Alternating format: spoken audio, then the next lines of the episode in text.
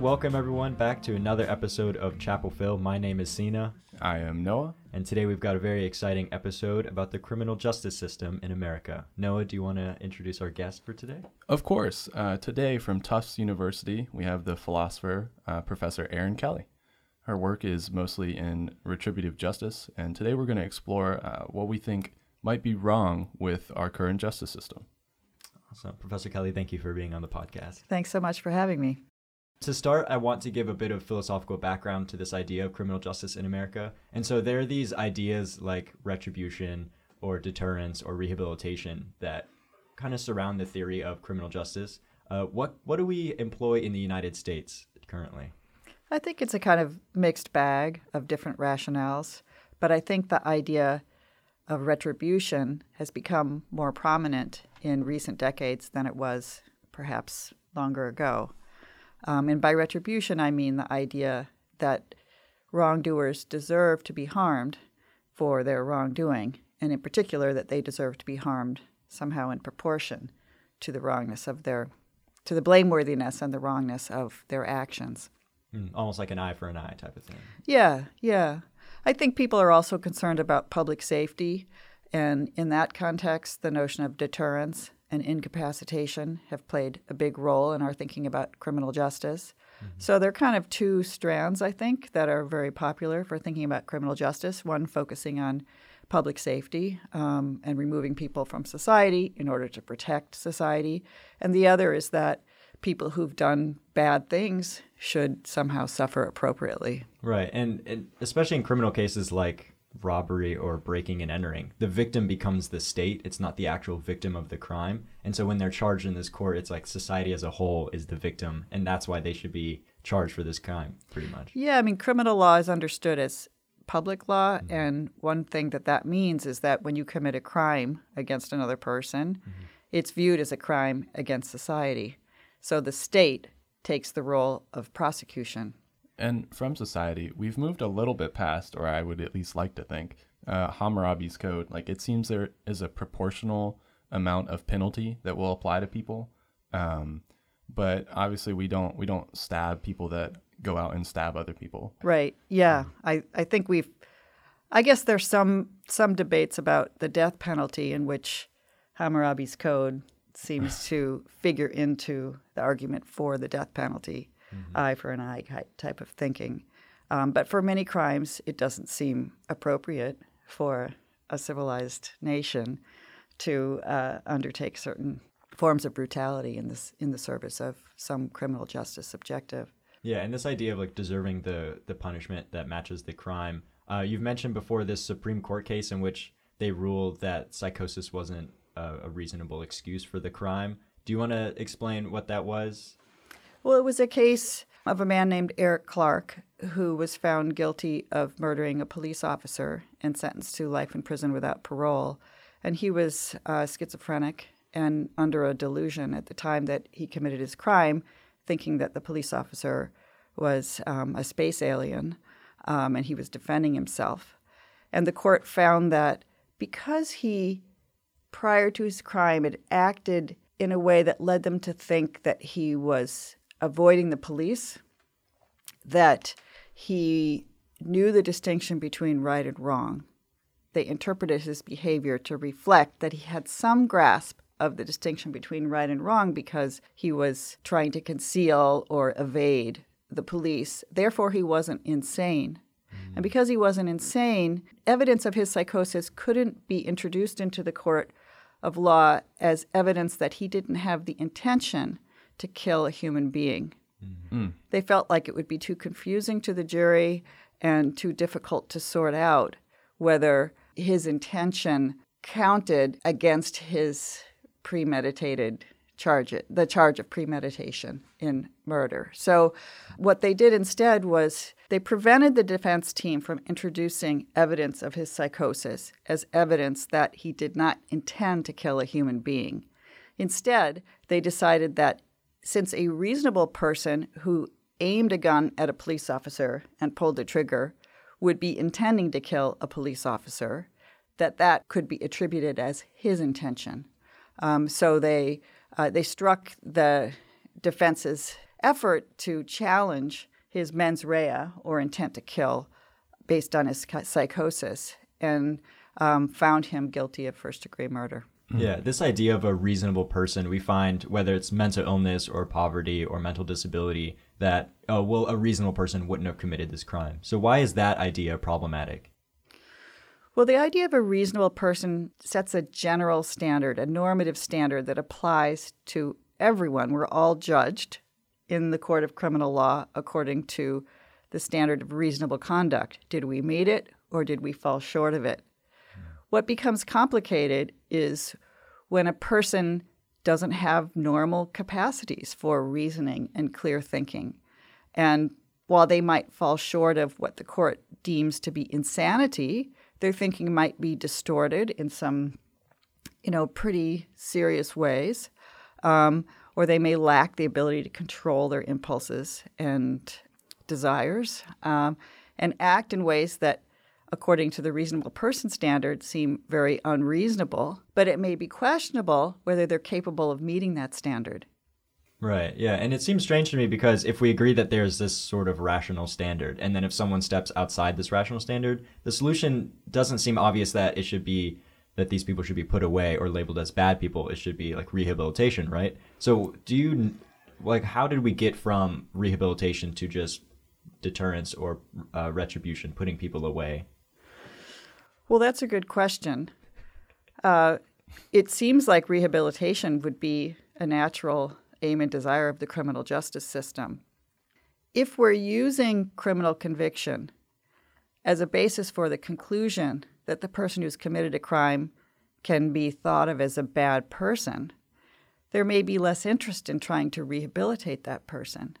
So if we come at the criminal justice system with a retributive mindset, and we're drawing conclusions based on what people have done about who they are as people or what they're like, we may reach the conclusion that they should be thrown away. We shouldn't rehabilitate them.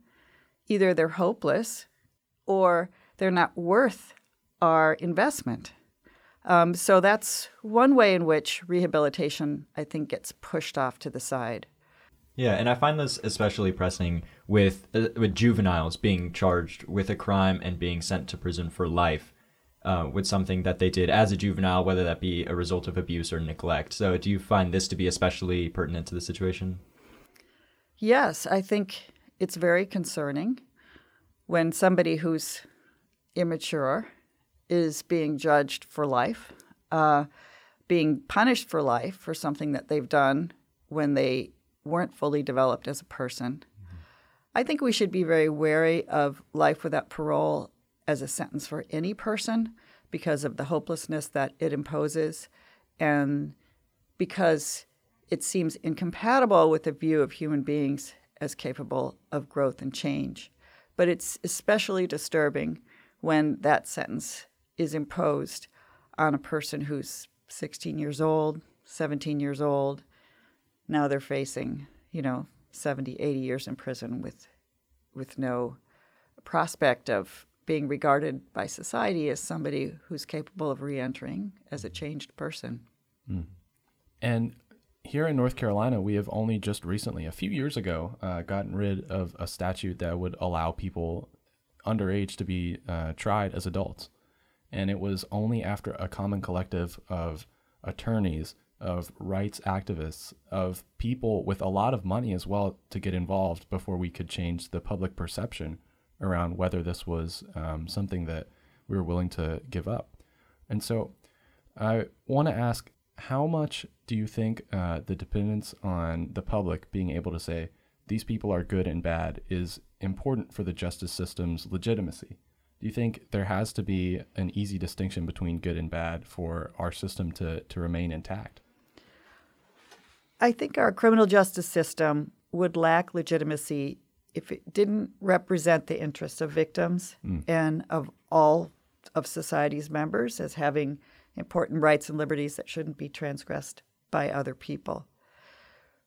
So the question is how does the criminal justice system effectively and adequately speak to the interests that we all have as potential victims or people who've been the victim of crimes? Um, in, a, in a way that would maintain legitimacy of the system. One way is to condemn the criminal offender as a bad person, perhaps even an irredeemable person. Another approach would be to condemn what the person has done and to take steps to prevent people from acting in those wrongful ways, including the perpetrator, him or herself, uh, but to refrain from drawing a further conclusion about the irredeemability or the, the hopelessness of the person who's committed that action. So, in my view, society has fulfilled its obligation to crime victims by marking the crime against them as a wrongful act, taking serious steps to apprehend, prosecute, if necessary, incapacitate, or to impose some consequences that on, on the perpetrator that would give society reasonable reassurance that this person is uh, is on notice, that this form of behavior is not acceptable, and that we could have some reason for confidence that this person won't pose a danger to other people in the future. I don't think that means that the person needs to be shut away from society for life or for decades. Um, I don't think we need 0% chance of this person committing a crime again in order for society to have fulfilled its obligation to victims. That's very interesting. Uh, a lot of people bring up statistics in recidivization rates, uh, people going back to jail after they've already been inside once. And it's it's not just this punishment uh, that we apply to them for marking their deeds as bad, but it's something that we leave with them even after they are exited from our system. What does it say about our punishment that people who have been to prison we think are not um, valuable or are not competent to be given jobs. I think it's very striking that our criminal justice system imposes a heavy stigma on people who've been convicted of crimes. In some sense, it's natural to stigmatize somebody who's done something wrong, but we're doing it in, a, in an extremely harsh and prolonged way. And it's partly because of all the collateral consequences that come from criminal conviction and serving time, in particular, serving time in prison, but con- even conviction itself. And what I mean is that if somebody's been convicted of a crime, um, especially a felony, they've spent time in prison, they've been released from prison. It's going to be very difficult for them to get a job. They're not going to be able to get a government loan to study in college. It's going to be difficult for them to find a place to live. Uh, public housing may not be available to them. When they apply for a job, they have to check a box um, or answer questions about whether they've been in prison. These collateral consequences, in effect, extend the stigma of criminality and incarceration for the rest of the person's life. It's a heavy extension of what's already a notable stigma, and it's very difficult to overcome that. So, on one way of thinking, this is an extension of punishment itself, that these consequences are ways of society continuing to punish the person so that their sentence is never discharged. Yeah, and this idea of like a mistake versus a bad person. So somebody can make a mistake, but that doesn't necessarily mean that they're a bad person. The way we get from mistake to not being a bad person is rehabilitation. But since our current system doesn't have this function, when people make a mistake and do go to prison, they're just thought of a bad person for the rest of their lives. So is rehabilitation the answer, or is it more of a step away from retribution? It's a good question. I think it's part of the answer. I don't think it's the whole answer, since I think that the role of the criminal justice system as an institution in our society, uh, with a whole set of institutions in which this institution is playing the role that it's playing, raises bigger issues, structural issues about why we're incarcerating so many people. But I think within roughly something like our criminal justice system and our social order, in which there are going to be prisons um, and we're shutting a lot of people away, efforts at rehabilitation can do some good.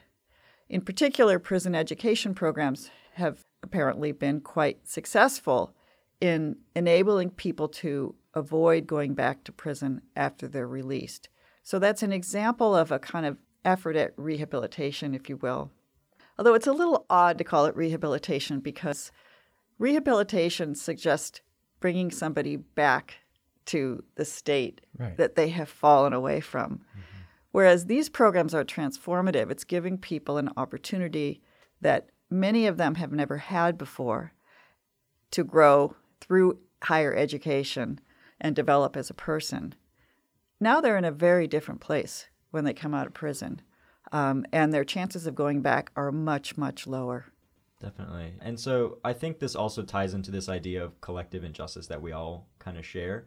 And so you've touched on this in the past that there's this sort of collective injustice that we aren't noticing within our society. Do you want to explain what that could possibly be?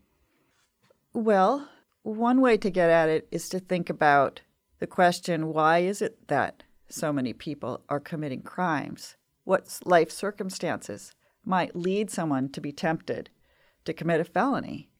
It's not something that a privileged person, setting aside white collar crime for the moment, is typically strongly inclined toward. Say, we're talking about, you know, drug dealing or violent offenses. So, what circumstances might lead somebody to the point where this seems like the thing to do? And when we look at those circumstances, it's no surprise that factors like poverty, joblessness, poor education, violence in neighborhoods that don't offer police protection to the residents of those neighborhoods for complicated reasons, these factors make some forms of criminal activity more desirable than they otherwise would be. Now, those facts are facts about social and institutional order that we all participate in. The fact that some neighborhoods are impoverished is related to the fact that other neighborhoods are privileged. So we're all participating in a social order in which some people are disadvantaged and disadvantaged in ways that make criminal activity much more tempting than it would be for people in other social positions. We're all collectively responsible insofar as we participate in our society and treat our social rules and authorities as legitimate and worthy of respect and worthy of our deference and support in supporting this social order that is unfair to some people. So I think we could and should reckon with our collective responsibility for the social positions some people find themselves in um, for many reasons through no fault of their own. Yeah, and I think this might be what's so difficult about criminal justice reform. And I think this ties back into this idea of a rational person. So when a lawmaker is faced with this idea of criminal justice reform, well, they could just as easily say, oh, well, a rational person would never sell drugs. Like, why should we ever take that in- into consideration, like ideas of poverty or addiction or abuse or neglect? Hmm. And like, oh, like I'm a rational person and I would never do that. So this kind of separation between like I would never do that and why would they do that kind of ties into this problem maybe. Yes, I think it points to a lack of imagination and a lack of empathy and a kind of us versus them mentality, mm-hmm. which is encouraged by the kind of policing that we support, which is largely drawn from a military model. If we're militarizing the police, then the people who are the subject of intense police scrutiny are naturally thought of as the enemy. These are our fellow citizens. These are our fellow citizens who are now failing to take seriously as people who ought to be equal to ourselves as citizens in a democratic society. Mm-hmm. particularly the history of how we've treated punishment and how we've treated what we consider to be criminal justice has been in the roots of subjugating other people. If you mm-hmm. look at uh, the systems of people, especially in the American South, it's the rich and wealthy that send their children off to law school who become judges who develop um, different policies. And yes, this has changed now, but throughout the course of history, you see it took how many years to get a case where schools became unsegregated? How many years until African Americans got equal legal standing under the law. Even in our own American Supreme Court history, if you go back 100 years, you can see the subjugation of other people. And I think perhaps this is an excuse to further the way that money has been moved, the way that it used to be valuable to have other people subjugated or blamed as being bad because we were profiting off of them um, doing remedial and manual labor.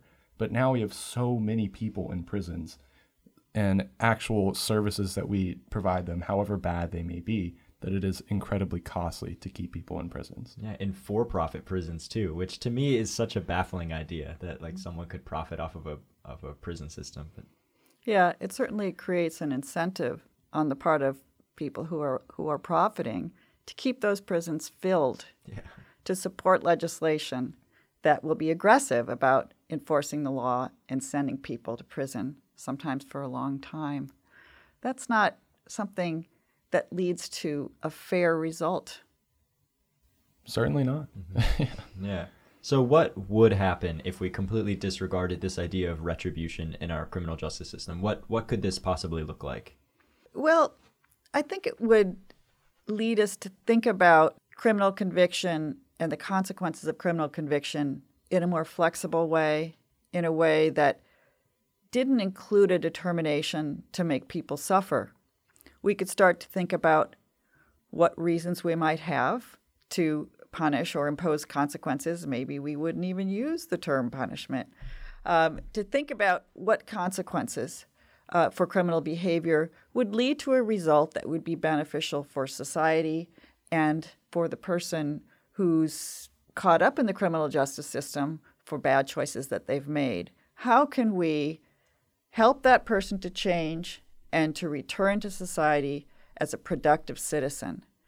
And how can we do that in a way that also protects the rest of us from uh, that person's criminal dispositions and from the criminal behavior that others who may be tempted to act in a similar way might pose a danger to us? So we'd start to think about it in a problem solving way.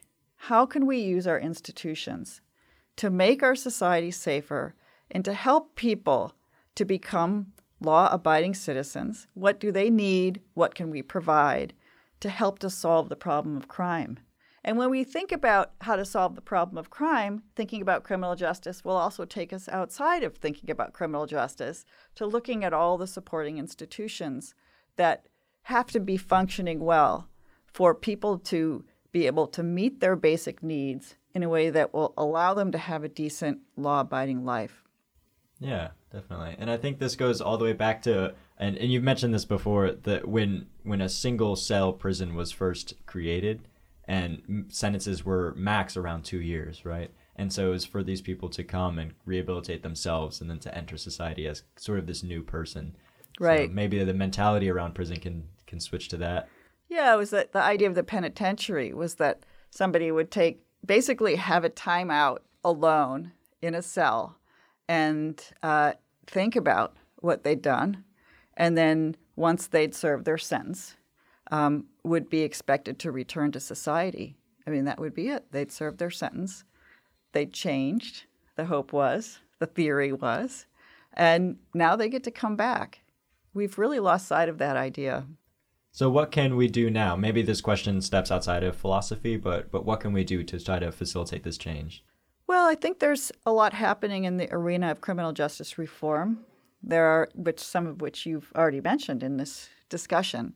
Um, there are some groups working hard at sentencing reform.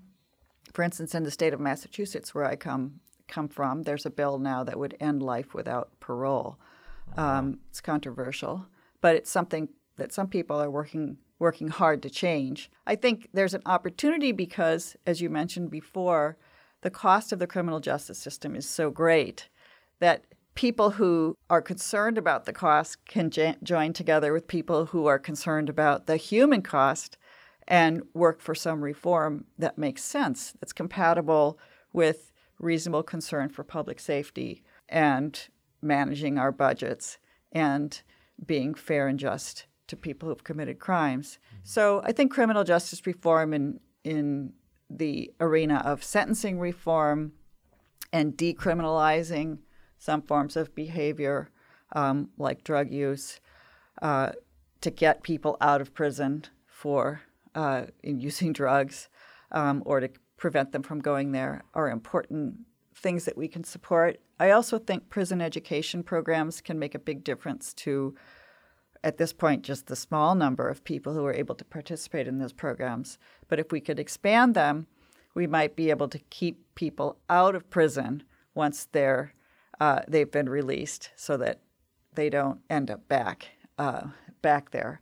And education seems to be a very helpful way to get people to think about their lives differently and to develop skills that will enable them to be more successful on the outside. Now, we've seen with uh, a different judicial concepts, like the death penalty, for example, we were talking about earlier. Uh, the United States was one of the last, um, I guess you could say, democracies. Certainly, if you look at it by countries involved in the UN, we were the last country to outlaw the death penalty for minors. Um, and one of the main reasons why the decision actually came down was because we had someone on the, the Supreme Court, Anthony Kennedy, who was really very heavily vested in sort of a, a global um, normative system of criminal justice. And I think that globalism is continuing to grow. Its effects are continuing to impact us, whether we accept them or not. Do you think that um, globalism will contribute to a similar normative evaluation of justice in the future? Well, that's an interesting question. It was noteworthy that that was a case in which the norms of criminal justice in other countries figured into the argument for changing the law of the United States. And that is encouraging insofar as we're how, when we think about how far behind the United States is uh, in its criminal justice thinking by comparison with other developed countries, um, for example, in Europe. Now, there are also social, sociological, social and sociological differences between the United States and those countries that might prove to uh, put some obstacles in the path of criminal justice reform. But it is encouraging that evolving global norms for thinking about criminal justice might be something that reformers and critics can rely on to uh, make their arguments even within the legal system. So I don't know how hopeful to be about that, but I'm glad you brought it up. I think it's an important resource, really, what you're pointing to is an important resource to use um, to make arguments that might lead us in a more healthy direction.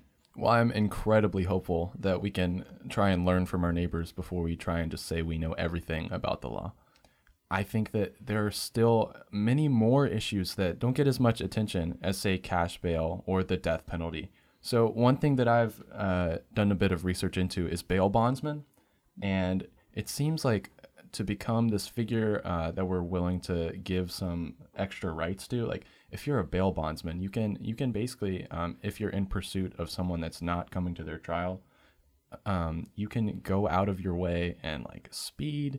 You hmm. can there even been cases in the North Carolina Supreme Court uh, where people run into like children crossing the street while they're trying to apprehend a criminal, and these are not police officers. Like I have personally taken a bail bondsman test myself, and with no studying at all, I just wanted to see what it was like. Um, they have them online. I scored a 78%. You need, yeah, I could legally be a bail bondsman if I went through the right channels. And I think that's absolutely terrifying. What is a bondsman? So, aren't bail bondsmen people who would put the bail up for you? And then if you don't show up, they in effect have some jurisdiction, as you're putting it, to right. go and, and collect you? And perhaps I'm hyperbolic here, but it does seem like I just wanted to make an example of other aspects of the legal system that we should probably look at with just as much scrutiny. Yeah, and I think that ties into the idea of money within the criminal justice system. Like if you just simply don't have the money to put up bail, um, or if you do, you can just get out, right? And just, um, I don't know, just the money in, in the criminal justice system is a whole nother problem that I think needs to be faced as well. Yeah, I mean, there are a lot of people sitting in jail prior to trial uh, because they can't make bail. So that's a, a noteworthy inequality, as you just pointed out. Uh, and then there are a lot of people who end up back in jail when they're out on parole because they can't pay the fees, the court fees or the parole fees every month. Uh, and in, for instance, in the United States, in sorry, in the state of Massachusetts, I think it's about eighty dollars uh, that you have to pay as a fee each month when you're on parole. If you can't pay that fee, they can send you back to prison. And if you don't have a job, it might be very difficult to pay that fee. Even if you do have a job, if you're running a tight budget and you're trying to make ends meet, one little bump off, if you don't have time to, I mean, this is just a financial aspect. If you don't have time to help your kids get to school, if you have to do all these other responsibilities throughout your day, when you're sitting in a cell, you can't do any of that. Hmm. It's a positive feedback cycle. And I think it speaks to really like how we how we value these people. It's amazing to me to see how much money we're willing to give lawyers, but how little attention we're willing to give the average person that's in jail or prison. Hmm. Yeah. Well, we pay a lot to keep them there. Right. You know, just think about what we could be doing for people with that money rather than putting them in prison. $50,000 a year. I mean, you could go to college for that. Wow. These are choices we're making. Yeah, fifty thousand dollars a year. Oh, that's like the in national some average. states. Yeah, yeah. I don't know what the national average is. I think in the, in Massachusetts, it's it's close to fifty thousand dollars to keep somebody in prison. It varies state by state, but we're making a huge investment in warehousing people. Yeah, I, I think as a last point, I think it's important to discuss this um, as an imperative building block for further social justice. I, I personally don't believe that you can have social justice without first starting with criminal reform. Hmm. Well, it goes both ways. I mean, we need criminal justice reform in order to have social justice, but we need social just, justice to support criminal justice reform and to make the reforms effective to keep people out of prison. So we've got a lot of work to do. There are a lot of problems, and they're interconnected. Are you teaching this semester at at Tufts? I'm on leave from Tufts this semester, but I am teaching a class. I'm only teaching one class. I'm teaching Introduction to Philosophy at Mass Correctional Institution at Concord. So my students are incarcerated. I have a group of 25, 23 students in the prison, and they're studying philosophy as part of a new degree program that Tufts has uh, created in partnership with Bunker Hill Community College. Wow, that's fantastic. So do you when you have do you present these ideas of retributive justice in the introduction class? We haven't studied retributive justice in particular. Actually, it's come up. We started by reading Plato's Republic, which offers many different concepts of justice or conceptions of justice and reasoning about how to think about justice. And so, ideas of criminal justice came up in the class, and we discussed them in that context. Uh, Yeah. Do they do you find that the, the persons that are incarcerated have some unique perspective on philosophy? they're very interested in in using philosophy to develop their own thinking and to uh, find hope in in a very difficult circumstance. Some of them may not get out of. Uh, so they're very personally invested in the work, the academic work that they're doing, and they're using it to make sense of their own experience. Now, a lot of students do that in different contexts, but this has of a certain urgency, you know, for this group of people. And I've tried to facilitate philosophy being useful to them and interesting for them in uh, thinking critically and gaining a reflective understanding of themselves and their own values and their own hopes and dreams. Yeah, I wonder if ideas like stoicism would be an attractive idea. Yeah, that's interesting. That would be a good topic to explore with them. Yeah, definitely. I haven't done that, but I, I think it would be interesting. Awesome. Well, thanks for coming onto the podcast. You're welcome. Really appreciate it. It's been our pleasure. I think this has been a very interesting conversation. I think you're doing great work in, in investigating these questions, thinking about them seriously, and talking about them. I hope you'll continue to do that. It sounds like you have some great conversations going on here at UNC, and uh, it's really inspiring. so thank you for the work you're doing, and keep it up. Thank you for coming on the podcast. You're welcome. This has been Chapel Phil. Thank you for listening.